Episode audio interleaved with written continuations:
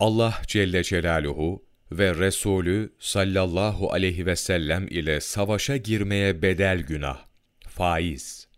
Ebu Hureyre radıyallahu anın rivayet ettiği bir hadiste Hazreti Peygamber sallallahu aleyhi ve sellem şöyle buyurmuştur. İnsanlara öyle bir zaman gelir ki faiz yemeyen kimse kalmaz. Onu bilerek yemeyene de tozu bulaşır. Allah Celle Celaluhu en iyisini bilir. Bunun manası şudur. O devirde herkes faizin içine girer. Her ne kadar bazıları faiz için çalışmasa bile istemeden ve bizzat faiz kazanmadan ona bulaşmış olur. Havadaki tozun burun deliklerine girmesi gibi. Bu, faizin çok yayılmasından ve onun giriş noktalarının çoğalmasından ileri gelmektedir. Bu yollar öyle yaygındır ki ondan sakınmak mümkün olmaz. Bir hadiste şöyle buyurulmuştur.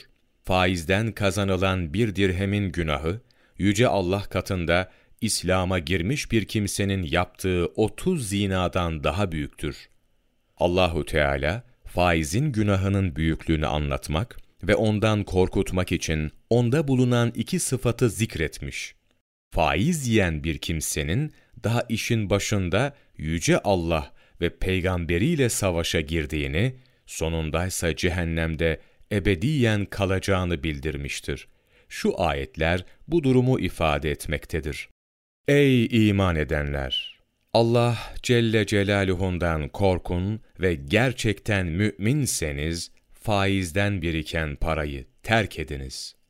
Bu ayette mümin olmak için faizin terk edilmesi şart koşulmuştur. Ayet şöyle devam etmektedir. Eğer bunu yapmazsanız Allah Celle Celaluhu ve Resulü tarafından faiz yiyenlere karşı açılmış savaştan haberiniz olsun. Allahu Teala faizin haram olduğunu şöyle belirtti. Allah alışverişi helal, faizi haram kıldı. Yüce Allah bütün bunlardan sonra ondan vazgeçmeyen kimseyi ebedi olarak cehennemle şöyle korkuttu. Kim tekrar faize dönerse işte onlar cehennemliktir. Orada devamlı kalırlar. Bu şiddetli bir hitapla büyük bir azap bildiren bir ayettir. Ebu Talip el-Mekki, Kalplerin Azı, sayfa 601-602, 20 Mart Mevlana takvimi